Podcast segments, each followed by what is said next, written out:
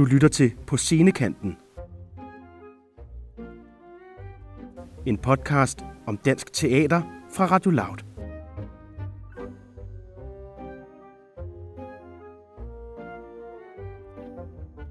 Din vært, Karen Dick. Velkommen til På Scenekanten, Louds program om scenekunst. I programmet der forsøger vi at blive klogere på, hvordan samfundsdebatten og de ting, der rører sig omkring os, kommer til udtryk i teater, performance, dans og alt det andet, der foregår rundt om på landets små og store scener. Jeg hedder Karen Dick, jeg er journalist og dramatiker, og jeg er jeres vært på programmet. I dag der er jeg taget på besøg på Teater Momentum i Odense for at tale med dramatiker og instruktør Sigrid Johannesen. Vi skal tale om hele to forestillinger i dag, en fortælling om blindhed og om terningkvinden. Velkommen til, Sigrid. Lad os begynde med et lidt stort spørgsmål. Kan teatret forandre verden, og hvordan?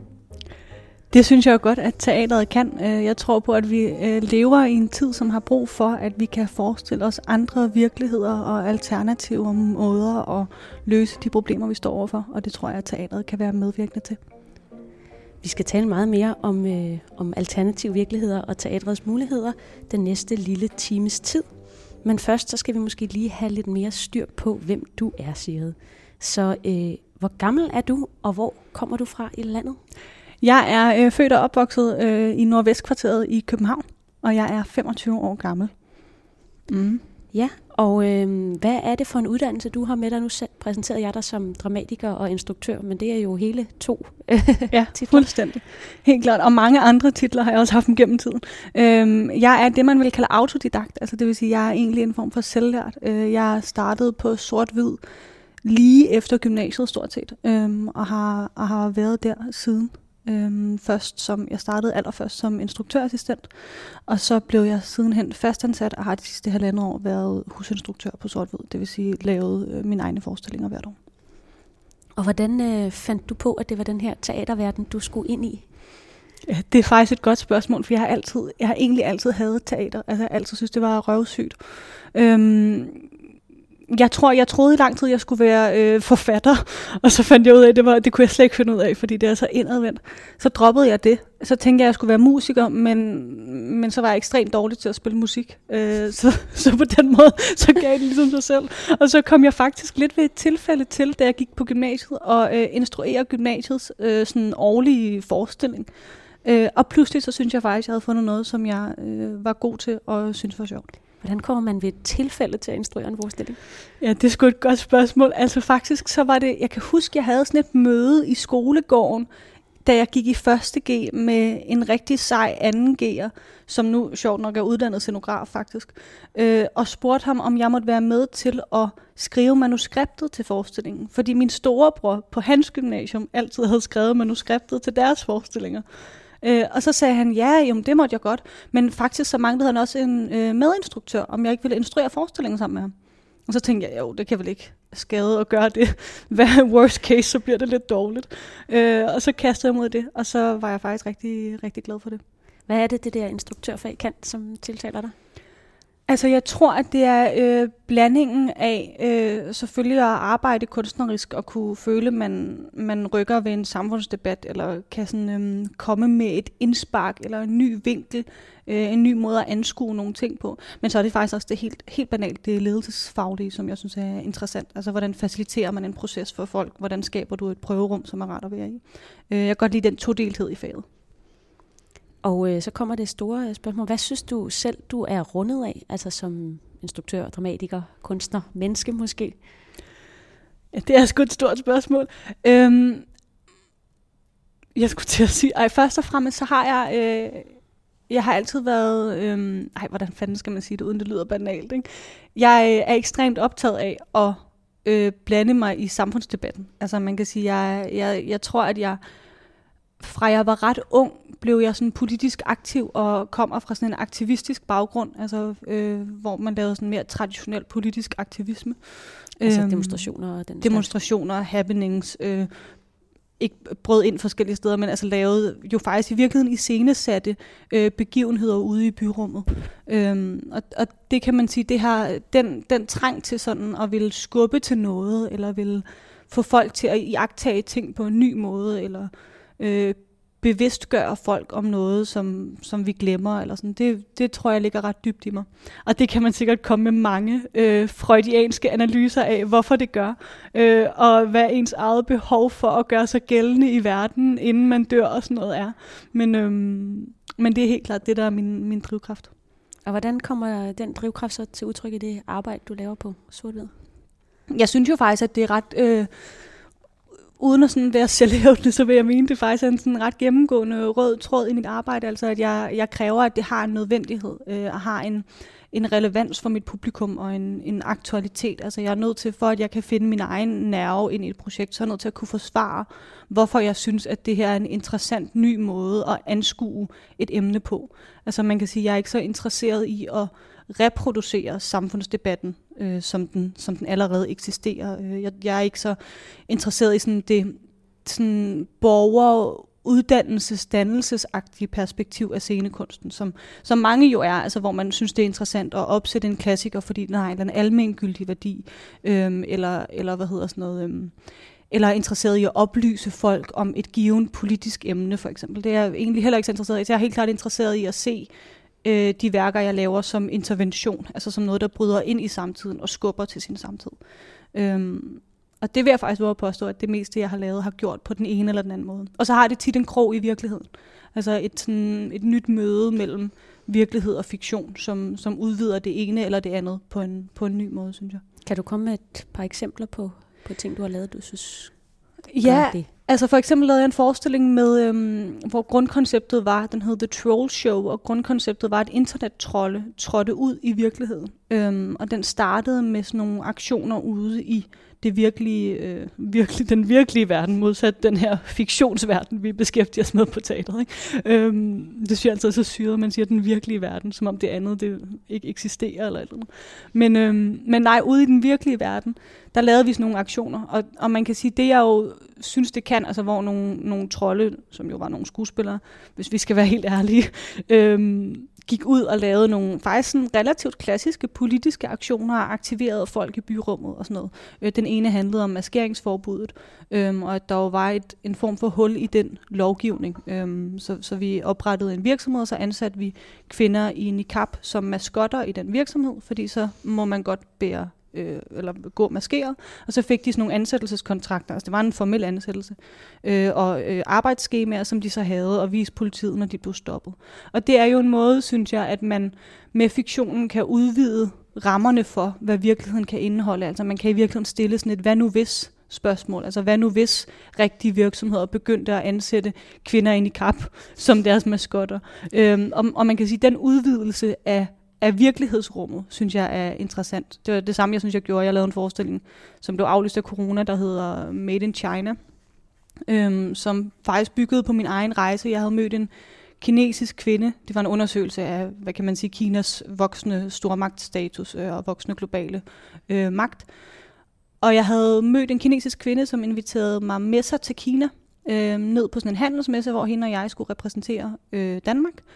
Og, da jeg, og det sagde jeg ja til den rejse, jeg rejste med hende ned. Øh, og da jeg så var i Kina, viste sig, at hun kendte en masse fra Kommunistpartiet. Og pludselig så befandt jeg mig selv i sådan nogle, altså, til sådan nogle fine, fine officielle middage med folk fra Kommunistpartiet. Øh, og sad og diskuterede, det var midt mellem handelskrigen, og, øh, eller midt i handelskrigen mellem USA og Kina, øh, lige da den toppede. Sad og diskuterede international politik med dem. Øh, men alt det gjorde jeg med sådan en præmis, som var en fiktionspræmis, som jeg spillede, øh, om at jeg havde indset, at fremtiden ville være kinesisk, og jeg derfor var nødt til at lære at være kineser for at kunne begå mig i fremtiden. Og det skabte jo nogle, hvad kan man sige, sådan kunstige situationer i de møder, jeg havde med folk, øhm, som også igen altså er med til at udvide øh, rammerne for, hvad virkeligheden kan indeholde, øh, og, og i yderste konsekvens som er med til at udspille alternative nye virkeligheder.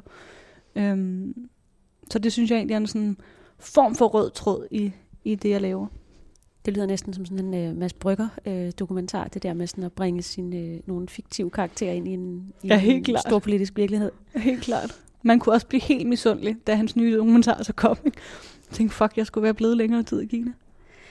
Du, øh, nu sidder vi jo i dag her på øh, Momentum i Odense, og du, øh, du nævnte jo, at du er autodidakt på teater sort-hvid, og det kan godt være, at vi lige er nødt til at dykke lidt ned i det, øh, i det forhold mellem øh, Momentum og sort-hvid, og måske hvad teater sort-hvid er for en størrelse, fordi det hører jo normalt til i Kødbyen i København. Ja. Øhm, så måske skal vi starte der. Hvad er, hvad er teater sort-hvid, og er der måske en særlig kunstnerisk profil på det teater? Ja, det er der. Og jeg tror først og fremmest, at vores øh, hvad hedder sådan noget, kunstneriske chef vil sige, det hedder sort-hvid, og ikke teater sort-hvid. Øh, og det er der faktisk en form for pointe i, vil jeg sige, nemlig at, at øh, sort-hvid er jo det, der hedder Lille Storbyteater, så vi er under den støtteordning, der hedder Lille Storbyteaterordningen, øh, og er rigtig nok placeret, som du siger, øh, i Kødbyen i København. Men vi samarbejder jo med scener faktisk i hele landet og har også et flereårigt samarbejde med Aarhus Teater. Øh, og i den her sæson med Momentum i Odense. Øhm, og sort-hvid er jo, er jo det, som jeg vil kalde øhm, et moderne samtidsteater. Altså, øh, vi, vi udvider, ligesom vi arbejder ud fra en grundidé om, at scenekunst kan være ekstremt mange ting. Øhm, og, og laver på den måde scenekunst på tværs af genre, på tværs af formsprog, på tværs af, øhm, hvad kan man sige, politiske emner, men, men alt sammen med den øh, det hovedtema, at vi laver politisk scenekunst, øhm, eller i hvert fald samtidsrelevant scenekunst. Øh, og man kan sige helt personligt, at det jo også derfor, at at det nærmest er det eneste teater, jeg vil have kunne se mig selv øh, starte på. Ikke? Fordi, man, fordi jeg på sort oplever, at man har en anden grænse for, hvad man kan få lov til at definere som scenekunst. Altså sådan helt gode gamle uh, All the World's a Stage-agtig. Altså at i en postmoderne virkelighed, der er alt nærmest i scenesat, og derfor kan vi gøre alt til scenekunst. Og så arbejder vi tvær, tværæstetisk i enorm høj grad. Ikke? Så vi arbejder på at udvikle nye øh, sceniske og formmæssige udtryk ved at lade forskellige genrer krydse hinanden øh, og forhåbentlig skabe noget nyt. Øh, faste lyttere af det her program, de vil vide, at jeg for et par siden talte med Niels Erling, som, øh, som fortalte, at han havde været chef her øh, på Momentum også, og det er jo fordi, man ligesom træder ind i sådan en etårig øh, kontrakt, og i år er det altså sort-hvid, der er øh, teaterchefen som mm. sådan et, øh, et øh, kollektiv. Hvordan arbejder I, som sådan et ja, kollektivt arbejdsfællesskab? Det svinger meget. Jeg vil sige, at vi arbejder meget processpecifikt, øh, så, så det er helt klart forskelligt fra processer til processer. Vi, vi, øh, vi arbejder også enormt høj grad med at kuratere frie scenekunstnere ind på vores scene, så vi tager øh, det, man vil kalde scenekunst fra det frie felt ind og inviterer dem indenfor på sort-hvid. Men, øh, men, men sådan helt grundlæggende, så vil jeg sige, at vi har arbejdet meget med inspiration fra øh, faktisk sådan arkitektbranchen, altså hvor man nærmest kan have nogle teams, som ligesom rykker ud, men inden for en samlet vision. Øhm, så, så man kan sige, at vi har i mange år faktisk arbejdet sådan, og, og med Christian Lollegiv som, som sådan, hvad kan man sige, den, den samlende kraft på mange punkter, ikke? at vi har været et hold af kunstneriske medarbejdere, som arbejder i sort ånd, og som ligesom kan rykke ud og lave forestillinger på Aarhus Teater, eller lave forestillinger her på Momentum. Øhm, men inden for, hvad kan man sige, de samme idealer om øh, kompromilløshed, og vil stille spørgsmålstegn ved samfundsdebatten, og vil bryde ind i virkeligheden og sådan, ikke? Du lytter til på scenekanten på Loud. Jeg hedder Karen Dick, og øh, jeg er jeres vært. Og i dag der taler jeg med dramatiker og instruktør autodidakt Sigrid Johannesen, og øh, vi er på Momentum i Odense, og vi skal tale om øh, hele øh, to forestillinger, som Sigrid er med til at lave. Den ene hedder En fortælling om blindhed, og den anden er Terningekvinden. Og øh, lad os starte med en fortælling om blindhed. Hvad er det for en forestilling? Vil du præsentere den øh, måske i første omgang bare på sådan det helt, sådan, hvad skal vi kalde det, realplan eller handlingsplan? Mm-hmm. Altså en fortælling om blindhed er jo en øh, forestilling, som Christian og jeg har dramatiseret på baggrund af Sarmagos roman af samme navn fra øh, 95, tror jeg den er, øh, som hedder En fortælling om blindhed, øh, og som handler om en by, der rammes af en pludselig blindhedsepidemi. Altså, så den starter med, at der er en mand, der holder for rødt, og pludselig bliver han øh, blind, mens han er i det lyskryds. Øh, og det spreder sig så i hele, i hele samfundet omkring ham. Øhm, og vi følger forskellige mennesker i den her blindhedsepidemi. Øhm, og så kan man sige, den, den historie fortæller vi så øh, gennem det, der hedder bineural lyd øh, som altså er sådan en 3D-lydteknologi til dem, der ikke ved det. Altså, så det er i virkeligheden sådan, at lyden foregår, som om den foregår rundt om dig. Øhm, og det er sådan et Det er sådan den korte historie, ikke? Altså, at så, når, når man kommer som publikum, bliver man indlagt på de her senge, øh, og bliver interneret på det her sindssygehospital, som de også gør i bogen. Øh, og så får man høretelefoner på og bind for øjnene, og så oplever man så den her lydfortælling udspille sig rundt om dig, som om du selv er en af de blinde, der har mistet synet. Og så på et lidt større plan kan man sige, at den, den tematiserer civilisationens opløsning og stiller sådan nogle grundlæggende spørgsmålstegn ved, ved ideen om menneskelighed og ideen om, stiller spørgsmålet, hvem er vi som mennesker under civilisationens tynde fernis? Altså, hvad, hvad ligger der bag ved det? Du, øh, du nævnte, at det jo er en, øh, altså først er en bog, som I har lavet til en teaterforestilling. Hvordan går man ind i sådan en bearbejdningsproces? Øh, man kan sige, der er jo noget helt simpelt, at, at det der med at læse en bog, det er ofte noget, der foregår alene, hvor man sidder og kigger ned på nogle sider, og her er vi altså i et rum sammen med en hel masse andre, og man kan jo ikke se noget, vel? Nej, bestemt ikke. Øhm, det er jo vildt forskelligt, hvordan man griber det an. Vi har været vildt heldige, at vi i starten af det her forløb havde et samarbejde med et øh, hold på Aarhus Universitet og en, en underviser derfra, øh, som sammen med os analyserede romanen, og ud fra de analyser, de så lavede, øh, lavede vi i samarbejde det, man kan kalde nogle aktualiseringsprincipper, eller nogle remedieringsprincipper. Så vi opstillede faktisk, jeg mener, det var fem forskellige sådan, øh, principper for, hvordan vi vil lave den her bearbejdning. Øh, og det vil jeg jo mene faktisk tit er nødvendigt, at man går sådan analytisk til værks og siger, hvad er de sådan æstetiske kvaliteter ved det her værk? Og derefter så stiller sig spørgsmålet, hvordan kan jeg oversætte det til en scenisk form? Og der kan man sige, det der, det der var bærende for os, det er, at øh, bogen har en ret specielt øh, formsprog. Altså den er skrevet nærmest uden tegnsætning, øh, og øh, blander også dialog på kryds og tværs, så det er faktisk ret svært, og, altså den er faktisk ret svær at læse nogle gange. Det er svært at navigere i, hvem siger hvad, hvornår. Øh, og på den måde, så vil jeg våge at påstå, at bogen, den mimer oplevelsen af at være blind.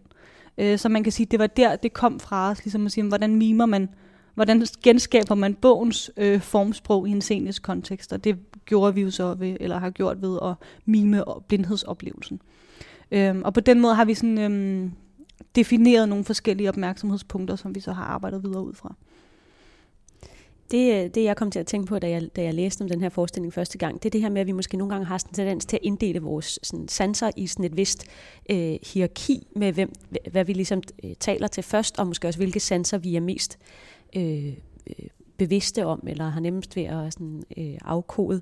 Øh, og der ligger, øh, der ligger synet måske normalt altså ret højt. Mm. Øhm, og måske især i et rum som teatret, som selvfølgelig taler til, til alle sanser, fordi man sidder i et rum og kan både se og høre og dufte og måske også føle, ikke de her dage, men, det, men, øh, men hvordan, øh, hvordan går man så ind i et rum, som tit har, hvor synet normalt fylder så meget, og, og tager, det, tager den sans fuldstændig ud af, øh, af ligningen. Af ligningen.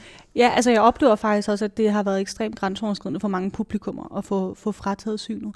Men, men for mig så er det jo en form for, for sådan mulighedsrum, fordi man pludselig det sekund, at du ikke kan se noget, skærper folks oplevelse af øh, virkeligheden, og faktisk også, synes jeg, skaber muligheden for, at man som publikum kan øh, gå ind i en anden sensibilitet eller en anden følsomhed. Altså øh, på en eller anden måde så åbner det et rum for, at man øh, kan sådan helt empatiøvelsesagtigt leve sig ind i øh, den historie, du får fortalt, og faktisk gå med på den rejse, der hedder, hvad hvis det her skete for mig øh, lige nu, og, og det synes jeg giver fortællingen en sådan forøget aktualitet. At man, at man vidderligt kan mærke det på, på egen krop, og ikke bare se nogen spille det op på. Ja, fuldstændig. Øhm, hvor længe har I været i gang med den her forestilling, sådan fra I besluttede, at det var den roman, I skulle arbejde med? Åh, oh, det er sgu et godt spørgsmål. Altså, jeg vil nærmest hvor påstå, at det måske er halvandet år, eller sådan noget to år. Men ideen er i virkeligheden en, Christian har haft, i, ironisk nok, i, i mange, mange år at lave den her øh, roman. Øhm, at der så pludselig vil, og det, altså det syrede, at vi har faktisk virkelig kæmpet med i starten af bearbejdningen, øh, med hvordan man gjorde det her aktuelt, aktuelt, altså hvordan man sådan, hvad fanden er indgangen til det her tema, der gør, at det ikke kommer til at føles sådan bedaget. Øh, og der havde vi jo ikke, altså virkelig ikke regnet med, at vi pludselig ville befinde os midt i en global pandemi, som, som gjorde, at det var... At det føltes øh, øh meget, meget aktuelt på en helt, øh, en helt anden måde. Ja. ja øh, hvordan, øh, altså det må jo på en eller anden måde have, have påvirket jeres prøveproces, eller jeres, øh, ikke bare sådan helt lavpejs med, får vi overhovedet øh, lov at spille forestillingen, og kan vi sende skuespillere ind i et prøverum og være tæt på hinanden, men også sådan i jeres overvejelser om det altså æstetiske valg og teksten og sådan noget. Mm-hmm. Altså jeg synes jo helt klart, at det har været en, en, en form for helvedes foræring. Ikke? Altså det har jo virkelig været en gave, at man pludselig havde et publikum, altså vi pludselig har fået et publikum, som så en til en kan relatere til de her begivenheder. Og for eksempel så er der sådan noget helt banalt som frygten for at blive rørt af nogen, som jo pludselig er ekstremt relaterbar. Øh, og som faktisk ikke fylder særlig meget i, i Marcos roman, fordi den her syge forklares ikke rigtigt, hvordan den egentlig smitter. Altså det finder man aldrig rigtig ud af. Øh, men, men det har været sådan, det har været et, et større tema, synes jeg, øh, for os. Altså den gyserstemning, som, som jeg vil påstå, øh, oplevelsen har øh, vil jeg nærmest sige, man kun har fået forstærket, og næsten kun har kunnet lave, fordi den her pandemi pludselig brød ud, og det er så latent for alle. Øh, og så synes jeg jo, det har fået en aktualitet, fordi det pludselig er blevet relevant at spørge os selv. Altså nu gik det jo ikke så galt med coronakrisen, som man kunne have frygtet i Danmark, men, men det er jo relevant at spørge os selv, hvad, hvad var der sket med os øh, i vores samfund, hvis det var gået værre.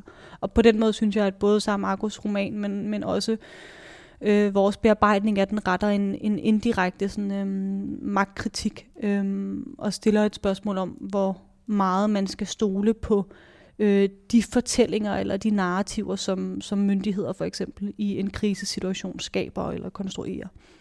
Øhm, og altså, det tror jeg spørg- det spørgsmål tror jeg havde været svært at stille, hvis vi ikke pludselig havde stået midt i en global pandemi, hvor man oplever, at der bliver gennemført hastelovgivninger, øhm, og at man kan blive grundlæggende i tvivl om, hvad er det, det her, hvad baner, hvad baner de, de her politiske vinde, hvad baner de vejen for øh, i fremtiden.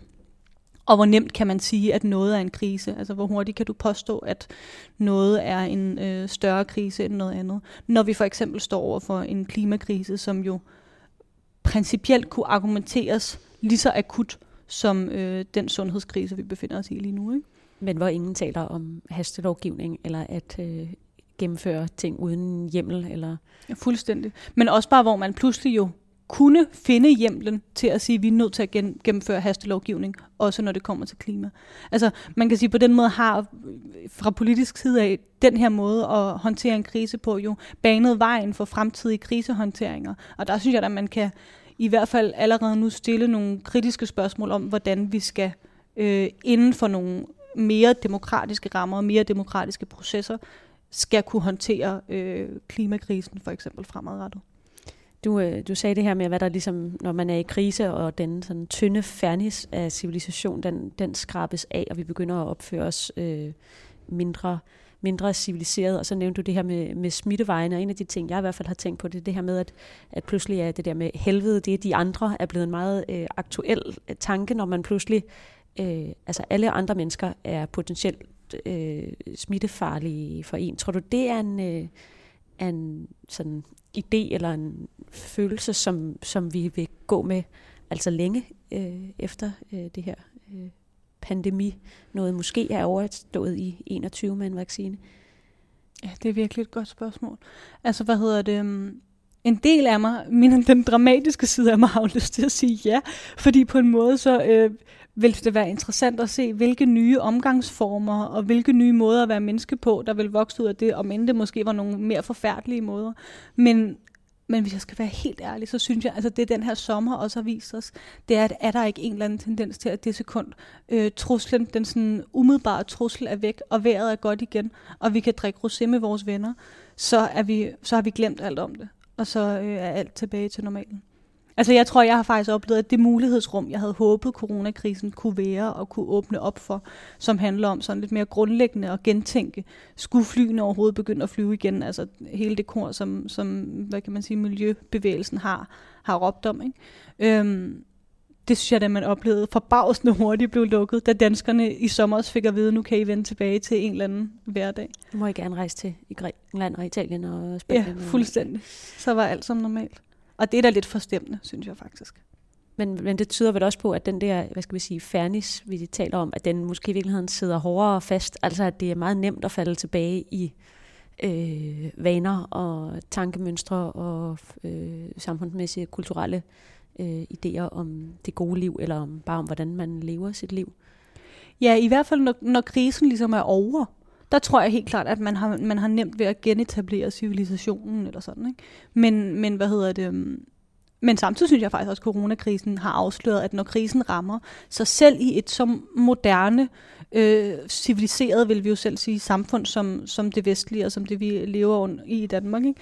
at så oplever vi, at selvom vores statsminister siger, at I skal ikke gå ud og hamstre, så stormer alle ud i, i hvad hedder det, um, i supermarkederne, og antallet af preppers er steget på global plan, og altså, altså på den måde, så synes jeg jo, at der er sådan nogle, som er sådan nogle helt urinstinkter om at ville beskytte sin egne, øh, og som jo indeholder en kæmpe sådan egoisme, altså det er jo nærmest, nærmest sådan modsat alle sådan større civilisationstanker og idéer om at være en del af et samfund, og faktisk også modsat alle sådan idéer om at være borger i et demokratisk samfund og sådan noget. Øh, der synes jeg faktisk, at vi netop har fået afsløret, at det sekund krisen rammer, så tænker vi først og fremmest på os selv og på vores familie.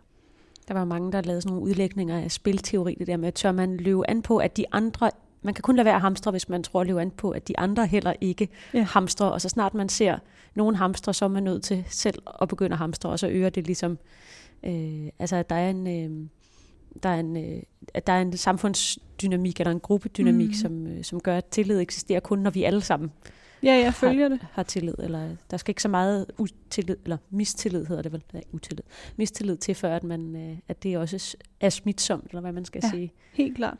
Og der kan man sige, at vores civilisation er jo på den måde bygget op på tillid. Altså det er jo noget af det, der kendetegner, vil jeg våge påstå, det danske samfund i enorm høj grad i forhold til andre samfund. Også tilliden til myndighederne, tilliden til autoriteterne og sådan noget. Ikke? Altså, øhm, der synes jeg det virkelig, at coronakrisen viste, hvor nemt det er at, at skubbe til den tillid. Og altså bare i forhold til sådan noget som trafikken, så kan man sige, at vi skal ikke meget længere før. Hvad stopper man så også med at holde for rødt, fordi man skal nå over til øh, det her supermarked, som nogen har brudt ind i. Eller altså, pludselig så, der skal ikke meget til, før at det bliver en kavalkade af systemer, tillidssystemer, der langsomt bryder sammen. Ikke? Og så er det et andet samfund, vi pludselig står i. Men det er klart, at det, den er trods alt stadigvæk højere i, øh, i Danmark end i, altså lad os nu bare tage USA som et, øh, Ja. et nuværende eksempel, hvor man virkelig har nogle, øh, nogle brydningsflader. Altså man, jeg læste, at, øh, at nu har i mange år har det været hygge, som er det danske ord, udlandet var optaget af. Nu er de alle sammen meget optaget af det her samfundssinds begreb, ikke? at vi ligesom alle sammen har en, en fælles ansvar for at opretholde øh, civilisationen og holde ja. smitten nede og passe på hinanden, og at det også i hvert fald er kendetegnet for et tillidsfuldt Mm. samfund. Helt klart.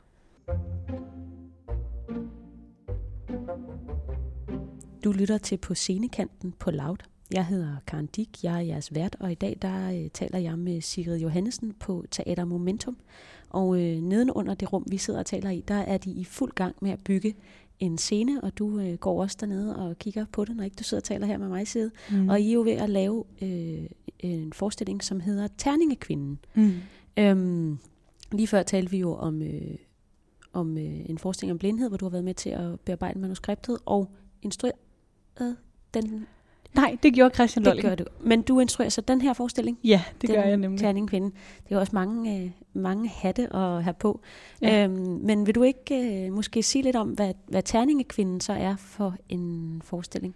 Jo, altså Terningekvinden er øh, en fortælling om en kvinde, Lucia hedder hun, som øh, vi møder i sådan et gentagelsesliv. Altså egentlig i sådan nogle helt almindelige hverdagsrutiner, som kører i ring. Øh, hun står op om morgenen, hun øh, spiser morgenmad med sin familie, hun tager på arbejde, hun arbejder som psykolog. Hun tager på arbejde, hun har en klient, hun spiser frokost på sit arbejde, hun bliver ringet hjem, hendes barn er sygt, hun kommer hjem, passer barnet, sender det afsted, spiser middag med sin familie igen om aftenen øh, og med nogle gæster, de får. Og så starter det hele forfra. Og sådan kører forestillingen egentlig øh, til at starte med, ind til et punkt, hvor Lucia hun pludselig får plantet en idé om, at livet kunne se anderledes ud. Øhm, og begynder øh, fra det punkt at spille med terninger om alle valg, hun træffer i sit liv. Øh, og fra det punkt, så går vores forestilling fra at være det, jeg vil kalde en sådan mere eller mindre klassisk teaterforestilling, i hvert fald forstået på den måde, at der sidder øh, nogle publikummer i en sal, og der er nogle mennesker på en scene og sådan noget, til øh, pludselig at være en interaktiv multimedieforestilling. Øhm, altså det vil sige, at tre af skuespillerne bliver sendt ud i byen med live øh, kamera og live video, som bliver sendt transmitteret ind i salen, så publikum kan følge med. Der bliver en skuespiller tilbage, som sammen med publikum slår med terninger om, hvad de tre skuespillere ude i byen skal gøre. Og derfra, der er alt tilfældigt hver aften og improviseret, og vi har ingen kontrol whatsoever med noget som helst. Hvor, øh, hvor får man sådan en idé fra? Ja, det er sgu et godt spørgsmål. Altså i virkeligheden så, det er fedt, hvis det her, det her omkvæd i det her program kommer til at være, det er Christian Lollekes gamle idé. Men det her er faktisk en idé, Christian har haft i rigtig mange år, at lave en forestilling på den her måde, som havde to dele. Øhm, og som han overleverede til mig, fordi jeg skulle til at sige, at han ikke selv havde lyst til at lave det, og det passer ikke engang. Det tror jeg faktisk, han skide gerne ville lave, men han, men han havde i hvert fald ikke tid til at lave det. Så jeg fik lov til at overtage ideen, og har så sammen med øh, scenografen og holdet øh, arbejdet øh, et langt stykke videre på den, og, øh, og har nu lavet den til det som, det, som den er nu. Men i virkeligheden, så kan man sige, det kommer jo ud af sådan en helt genkendelig, som jeg tror, vi alle sammen kan have lede over den hverdag, som bare er det samme og det samme og det samme. Og de fantasier, vi, vi alle sammen har, altså når man sidder 8. aften i træk og spiser noget, der minder lidt om det samme aftensmad, eller 20. morgen i træk, og endnu en gang skal nå at gå i bad, og man er stadig fem minutter forsinket, ligesom hver alle andre morgener. Altså de fantasier, man kan have om Gud. Tænk, hvis jeg bare nu tog metroen ud til lufthavnen og øh, rejste til Algeriet eller whatever. Ikke? Øhm, de der drømme, vi alle sammen har om at gøre noget andet, øh, og så samtidig oplevelsen af, at vi jo for fanden ikke gør det. Altså at vi stadig er fanget i det samme øh, latterlige hverdagstrummerum. Øh, og at de der ting får lov til at forblive i fantasien hele tiden, ikke? for rigtig mange af os i hvert fald. Ikke? Øhm, og, og det er den her forskning jo en form for opgør med. Altså, øhm, og på et lidt større plan, så kan man sige, at den er jo et opgør med, med ideen om, at man som menneske kun rummer øh, en bestemt identitet. Altså vi er jo så optaget af øh, som mennesker og definere, hvem, hvem er du, øh, og, og hvem er jeg i forhold til dig. Øhm, og helt fra vi er helt små, får vi ligesom opstillet sådan et mål om, at det ypperste, vi nærmest kan præstere som mennesker, det er at blive kloge på os selv. Øh, og forstå, hvem man selv er som menneske, og samle en klar identitet som for eksempel er, øh, jeg er Sigrid, jeg er teaterinstruktør, dramatiker. Øh, altså vi hele tiden, vi sætter hele tiden sådan nogle labels på os selv og hinanden, ikke? Og det er den her forestilling helt klart et opgør med. Forestillingen stiller sådan et, en form for grundlæggende spørgsmål om, om mennesket ikke indeholder øh, helt andre potentialer, hvis vi turer åbne op for det. I, øh, I pressematerialet der står det her med, at Lucia insisterer på, at hun indeholder uendelige alternative udgaver af sig selv, og hun kan blive alting. At passer det? Har vi virkelig uanede muligheder, eller... Øh? Jeg synes jo på et tankeplan, altså jeg kan godt forstå, hvis man sådan begynder at snakke socioøkonomisk og sådan noget, så har vi jo selvfølgelig alle sammen nogle forskellige muligheder, som afgør, hvordan vi kan handle og sådan noget. Men jeg synes egentlig, det sekund, man, man forlader hele den måde at tænke på, og stiller sig selv spørgsmålet, der hedder, hvad hvis jeg lader alting være fra nu af være bestemt af en terning, eller af tilfældigheder, er det jo i virkeligheden, ikke? så synes jeg jo faktisk, at vi har uanede muligheder. Altså, så kunne du lige så godt lige nu være en mand på 58. Altså, så, og det er jo den sådan, den tankeleg, som jeg synes åbner op for en ret vild måde at anskue både hele samfundet på, men også vores idé om, hvad, hvad menneskets identitet er.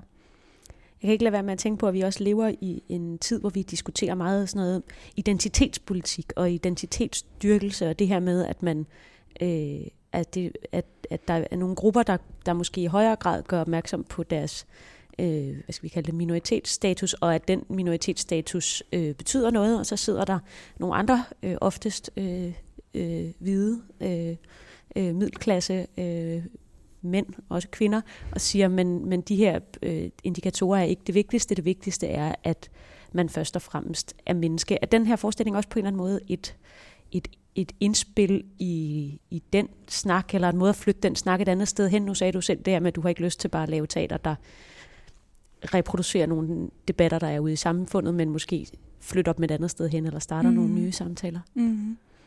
Altså, det, det er sjovt, du stiller spørgsmålet, for jeg har faktisk virkelig selv overvejet det. Og på en måde, så synes jeg, at det er en forestilling, som på en ret befriende vis øh, hopper lige forbi den snak, skulle jeg til at sige. Altså, fordi det jo ikke handler om, den snak bliver så tit reduceret til øh, spørgsmål om, hvad må man spille, øh, hvem må fortælle hvilke historier, øh, og sådan nogle ting. Ikke? Og der synes jeg jo, at den her forestilling handler jo ikke om at lave reelle øh, reproduktioner, eller repræsentationer hedder det. Reelle repræsentationer af øh, for eksempel mit liv som hjemløs. Det er ikke et forsøg på at øh, lave en realistisk udgave af, hvordan det vil være at være hjemløs. Det er et forsøg på at fremstille et menneske, der forsøger at lægge sit liv om og leve som hjemløs. Og derfor synes jeg faktisk, at man på sådan en ret befriende vis jo annullerer identitet. Øhm, og det bliver jo på mærkelig, på mærkelig vis lidt en annullering af den debat. Altså det bliver meget svært faktisk at snakke om den her forestilling inden for den debat, fordi den hopper ligesom forbi det. Øhm, og, og det tror jeg sådan, øh, det synes jeg egentlig har et, et sådan større potentiale, øh, end hvis det skulle være blive reduceret til en snak om, når man nu er det øh, fire skuespillere, som går ud og spiller de her, de her roller, og må de det og sådan noget. Det synes jeg egentlig er mindre interessant. Men ophæver den også identitetsrammerne, fordi den ophæver valget? Altså man kan sige, når det pludselig er, øh, er op til, til terningerne, og ikke til øh, Lucia selv at træffe øh, sine beslutninger, eller, eller hvis man, altså, hvis man ligesom selv lægger sine beslutninger fra sig, så lægger man jo også en, en del af sin selvfortælling et andet sted hen, hvor man ikke selv har kontrol over den heller. Altså hverken over det levede liv, men heller ikke historien om livet. Mm, helt klart. Både det, og så ophæver det jo også, hvad kan man sige, det valg, du ikke selv har. Altså som, som, øh, som minoritetsgruppe. Altså det ophæver også både øh, de minoriteter, som er samfundsskabte, altså øh, som, som handler om sådan socioøkonomiske forhold, eller de minoriteter, der handler om din egen seksuelle orientering eller kønsidentifikation og sådan nogle ting. Øhm, netop fordi, at det hele bliver op til, til tilfældigheden. Ikke? Og der synes jeg jo, det bliver en, sådan, en, større, en større undersøgelse af den skal vi alle sammen som mennesker på en måde, på en måde er. Ikke? Og på en måde i hvert fald kunne være.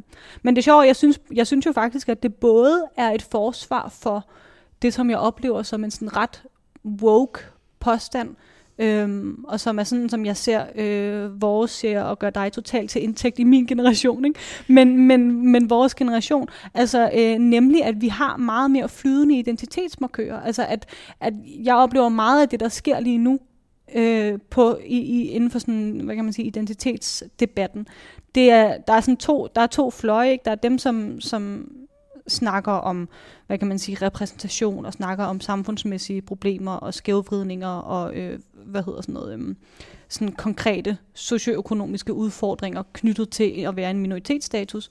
Men så er der egentlig også sådan den, den anden identitet, debat, som jeg synes har en meget mere flydende tilgang til køn og til seksualitet, og i virkeligheden har en tro på, at man som menneske øh, skifter meget mere. Altså at man meget mindre gennem livet har en fast identitet, fra man bliver født til man ligesom bliver gammel. Øhm, og den del af debatten, synes jeg jo egentlig, at den her forestilling er et, er et forsvar fra, for. Altså ideen om, at, at øh, øh din, din kønsidentitet er flydende, ideen om din seksuelle identitet er flydende, ideen om, at dine interesser skifter. Altså på den måde, der synes jeg jo, at det sådan, øhm, er et forsvar for den nye måde at anskue mennesket på. Det som helt sikkert også er en måde at anskue mennesker på, der skræmmer øh, en del mennesker. Altså det her med, at der pludselig ikke er svar at finde i, når jeg er en, øh, en kvinde, og derfor så øh, skal jeg øh, føde øh, 1,9 børn, og jeg skal øh, have et job i omsorgssektoren, og jeg skal øh, tage det her tøj på og agere på den her mm. måde i verden, og, og altså med modsat foretegn, hvis jeg er en mand, så skal jeg agere på en anden mm. måde i verden, at der pludselig, der, der bliver i hvert fald øh, flere øh, øh, muligheder, men jo det er også en af flere beslutninger, man, man selv skal træffe, eller hvor man ikke har nogen svar givet på forhånd. Mm, helt klart. Helt klart, og altså, jeg tror, det som jeg øh, synes i høj grad er interessant, det er, at når, man, når jeg kigger på sådan, øh, hvad kan man sige, min forældres generation, så er man jo ekstremt optaget af at det, som jeg også startede med at sige, at definere sig selv i forhold til andre, så man siger, at jeg er øh, venstreorienteret, og nu har jeg mødt dig, og du er højreorienteret, øh, og derfor så øh, kan vi nok helt grundlæggende ikke rigtig lide hinanden, fordi vi er i hvert fald uenige om de her, de her, de her ting. Og det, jeg synes, der pludselig sker, når man begynder at, at iagtage mennesket som, som værende rundet af mange forskellige ting, og som øh, noget, der kan indtage forskellige positioner på forskellige tidspunkter af sit liv, og som en meget mere plastisk størrelse. Øhm, det er, at jeg jo synes, det åbner op for et mere reelt møde mellem mennesker. Altså, altså min, sådan, min drøm og den sådan, utopi, som jeg jo synes, den her forestilling udfolder, det er jo helt klart, hvad kan man sige, øhm, det identitetsløse menneske. Altså øh, den kerne, hvad er der tilbage ved et menneske, når du fjerner alle de faste markører, som vi forstår hinanden på baggrund af. Øhm, Og det synes jeg virkelig er en interessant tanke, også i de her tider. Øh, hvor jeg jo synes, man kan opleve, at, at tonen i den offentlige samtale, specielt når det kommer til spørgsmål om identitet, bliver så splittet, at vi faktisk har svært ved at finde en fælles vej videre. Og der kan man da håbe, at det her måske kan være en fælles vej videre. Og det har I så gjort i den her sådan interaktive forestilling, hvor, hvor der bliver slået med terninger, og hvor nogen er ude i byen og sådan noget. Hvad, hvorfor, hvorfor er det ikke en, hvad skal vi sige, mere sådan klassisk øh, forestilling, men, men hvad, hvad kan det her interaktive element bringe ind på Mm-hmm.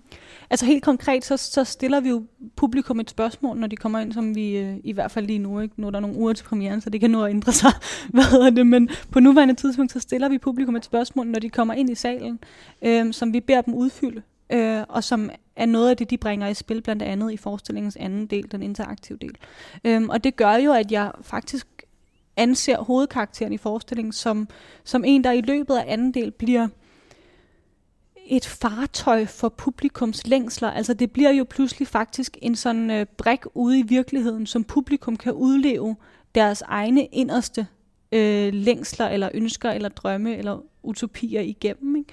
Øhm, og det synes jeg er vigtigt, fordi jeg synes, at det er med til at aktivere publikums konkrete forestillingsevne, og, og er med til at skabe en kobling tilbage til de mennesker, der sidder i salen, og hvad de drømmer om at gøre anderledes i deres liv. Og på den måde håber jeg, at man ved at have det greb, forhåbentlig kan øhm, efterlade en større krog i deres levede liv, altså i, i det, de egentlig drømmer om, og derfor forhåbentlig forandre noget større for dem, end hvis vi bare udspillede en fiktion hele vejen igennem.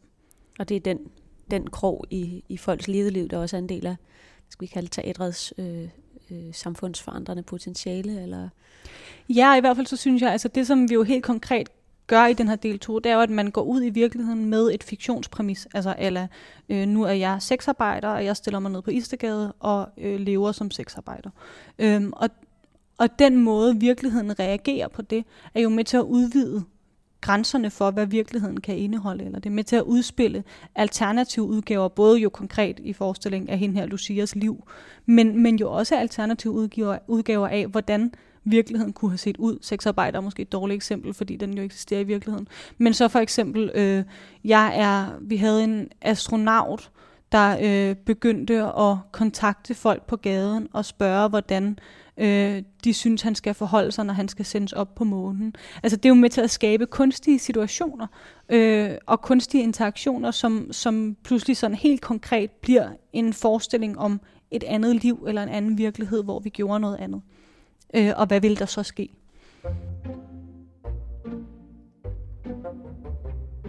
Du lytter til På Scenekanten på Loud. Jeg hedder Karen Dick, og jeg er jeres vært, og i dag der taler jeg med Siri Johannesen, dramatiker og instruktør.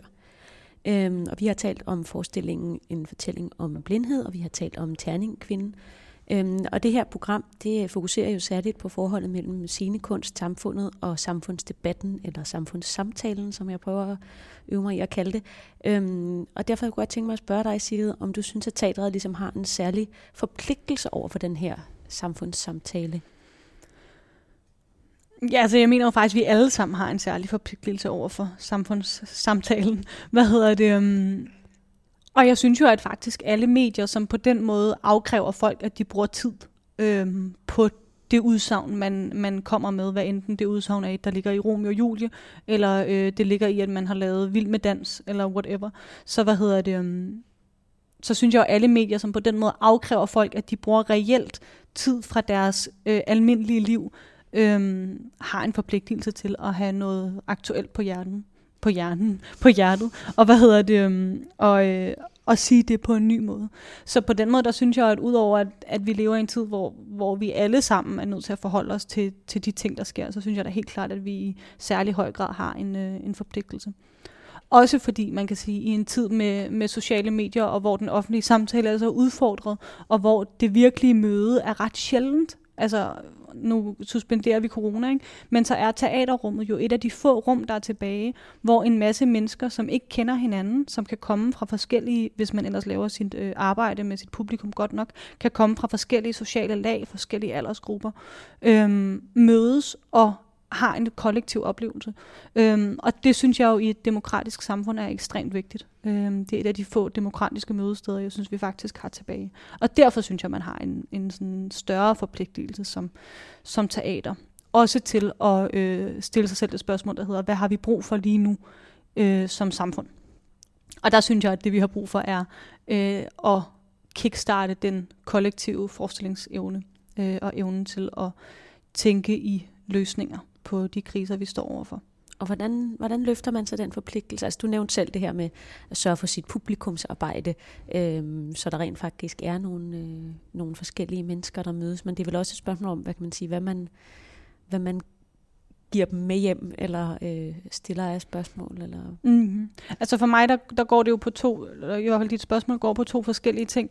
Det ene er, at jeg jo helt klart synes, at det er væsentligt, at man hele tiden forholder sig kommunikationsmæssigt forestillingsspecifikt, og derfor målgruppespecifikt. Så man hele tiden spørger sig selv, den forestilling, som jeg sidder med nu, øhm, hvem er den vigtigst for, og hvordan sørger jeg for, at den specifikke målgruppe øh, kommer ind og ser den her forestilling. Øhm, og det synes jeg simpelthen er, er, sådan, er allerstørste nødvendighed for at sikre, at teateret har en fortsat relevans for andre end øh, gamle damer over 60 øh, som er veluddannede og bor tæt på Københavnsområdet, som vi jo kan se på rigtig mange teaterundersøgelserne og publikumsundersøgelserne, er den primære øh, publikumsgruppe stadigvæk i teateret. Det synes jeg er et kæmpe stort problem. Og det er ærgerligt, at man ikke forholder sig på forestillingsplan mere specifikt til, hvordan man vil trække nye målgrupper ind i teateret. De fleste teater gør det som sådan nogle overordnede strategier. Øh, det synes jeg, vi har set har en, selvfølgelig har en effekt, men alligevel har en begrænset effekt. Jeg synes, det er meget mere effektivt, at man forholder sig fra forestilling til forestilling. Også hvis man reelt vil skabe en forandring for dem, der så kommer ind i teateret. At man forholder sig til, at det den her specifikke forestilling, som undersøger det her specifikke tema, det er de her mennesker, jeg laver den for.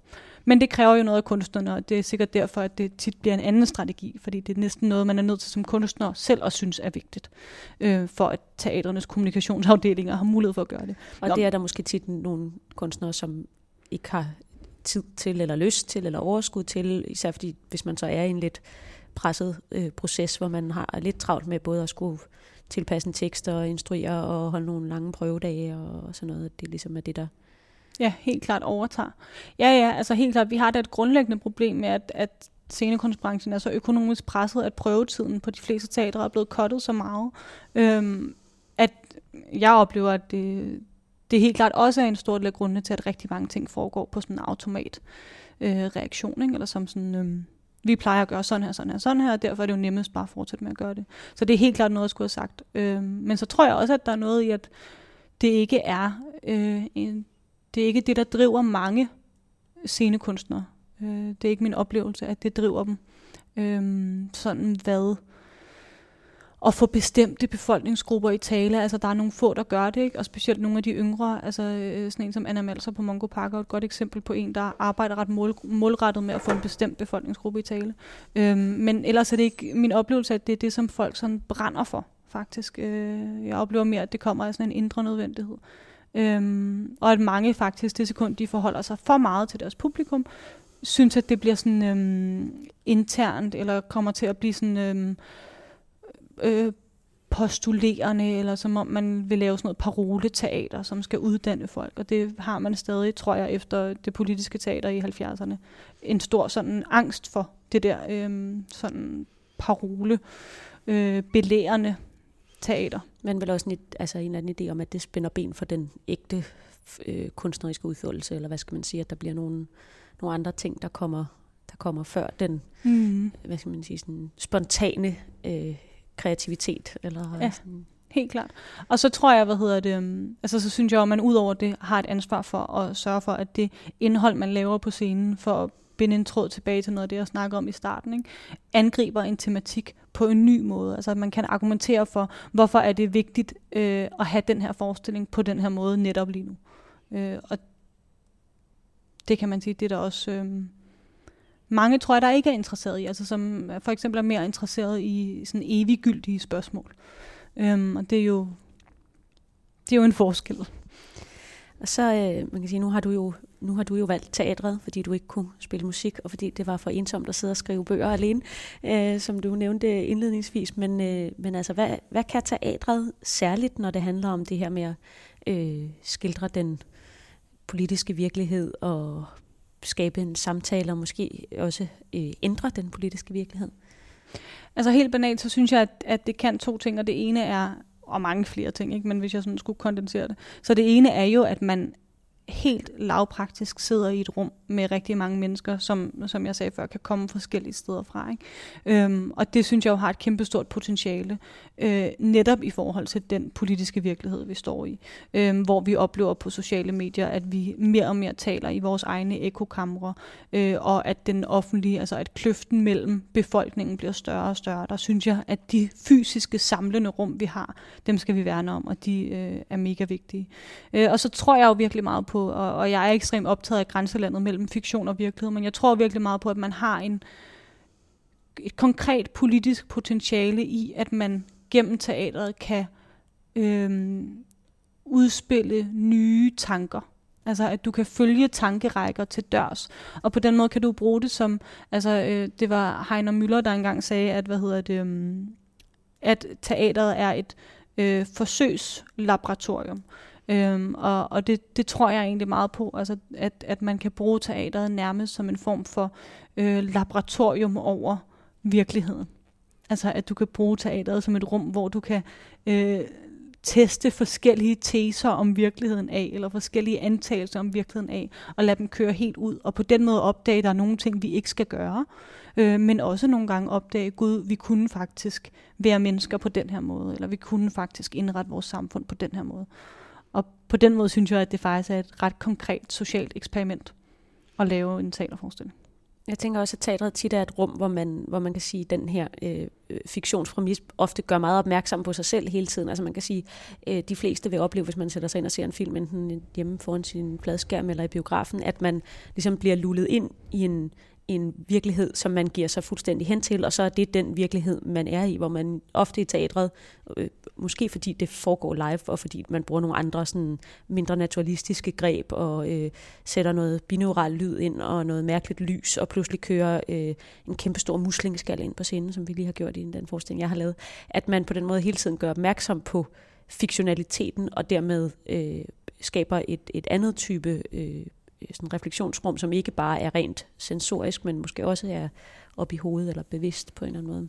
Ja, helt klart. Altså det der sådan, øh, jeg skulle sige, det der helt brægt-agtigt, det du snakker ja. om, ikke? Altså øhm, det, det er jo helt klart det vi, det vi kan, at vi kan pege på nogle ting, øh, som, som skaber en, et rum til refleksion, som man ja, det, i hvert fald tit ikke gør i film. Ja, det der på Brechts kæder fremdukken effekt. Ja. Men, men det findes også i andre ting, end når man spiller hans forestillinger, tænker jeg, det er altid. Ja, ja, ja. ja men fuldstændig, helt klart. Hvad hedder det? Um... Ja. Jeg plejer at stille et, et sidste spørgsmål her, fordi nu er vi ved at være øh, ved vejs ende, om, øh, om du har nogle sådan nye projekter. Nu ser du, har du ligesom rigeligt at se til med de her to årsdage, men der, der er nogle nye øh, projekter øh, på vej, som også øh, skal være samtaleskabende. Ja, det er der da bestemt. Øhm, jeg har da i hvert fald tre konkrete projekter, som jeg øh, tror har rigtig meget potentiale, men som jeg dog tror er hemmelige lidt endnu. Så jeg tror ikke engang, jeg må fortælle dig om dem. Men, øhm, men det er da helt klart det, der er min, min konstante, konstante drivkraft, og man kan sige, at jeg kommer til fortsat at arbejde med, også i endnu højere grad, hvordan man kan øh, skabe i sat virkelighed ude i vores faktisk levede virkelighed, og på den måde øh, forhåbentlig få folk til at stanse op og tænke over, hvad det er for et liv, vi alle sammen render rundt i, og om vi kunne gøre det på en anden måde. Det tror jeg vil være de sidste ord for i dag. Øh, tak til dig, Sigrid Johannesen, instruktør og dramatiker, for at du vil øh, tale med mig. Tusind nu er tak. teatret jo øh, helt tomt, så der er ikke nogen bifald, så du må nøjes med mit. Øh, tak for at være min gæst. Mm. Vi har talt om terningkvinden og en fortælling om blindhed, og vi har talt om samfundsomstyrtende dramatik og samfundssamtaler og om grænsen mellem fiktion og virkelighed. Jeg hedder Karen Dick, og vi lyttes ved.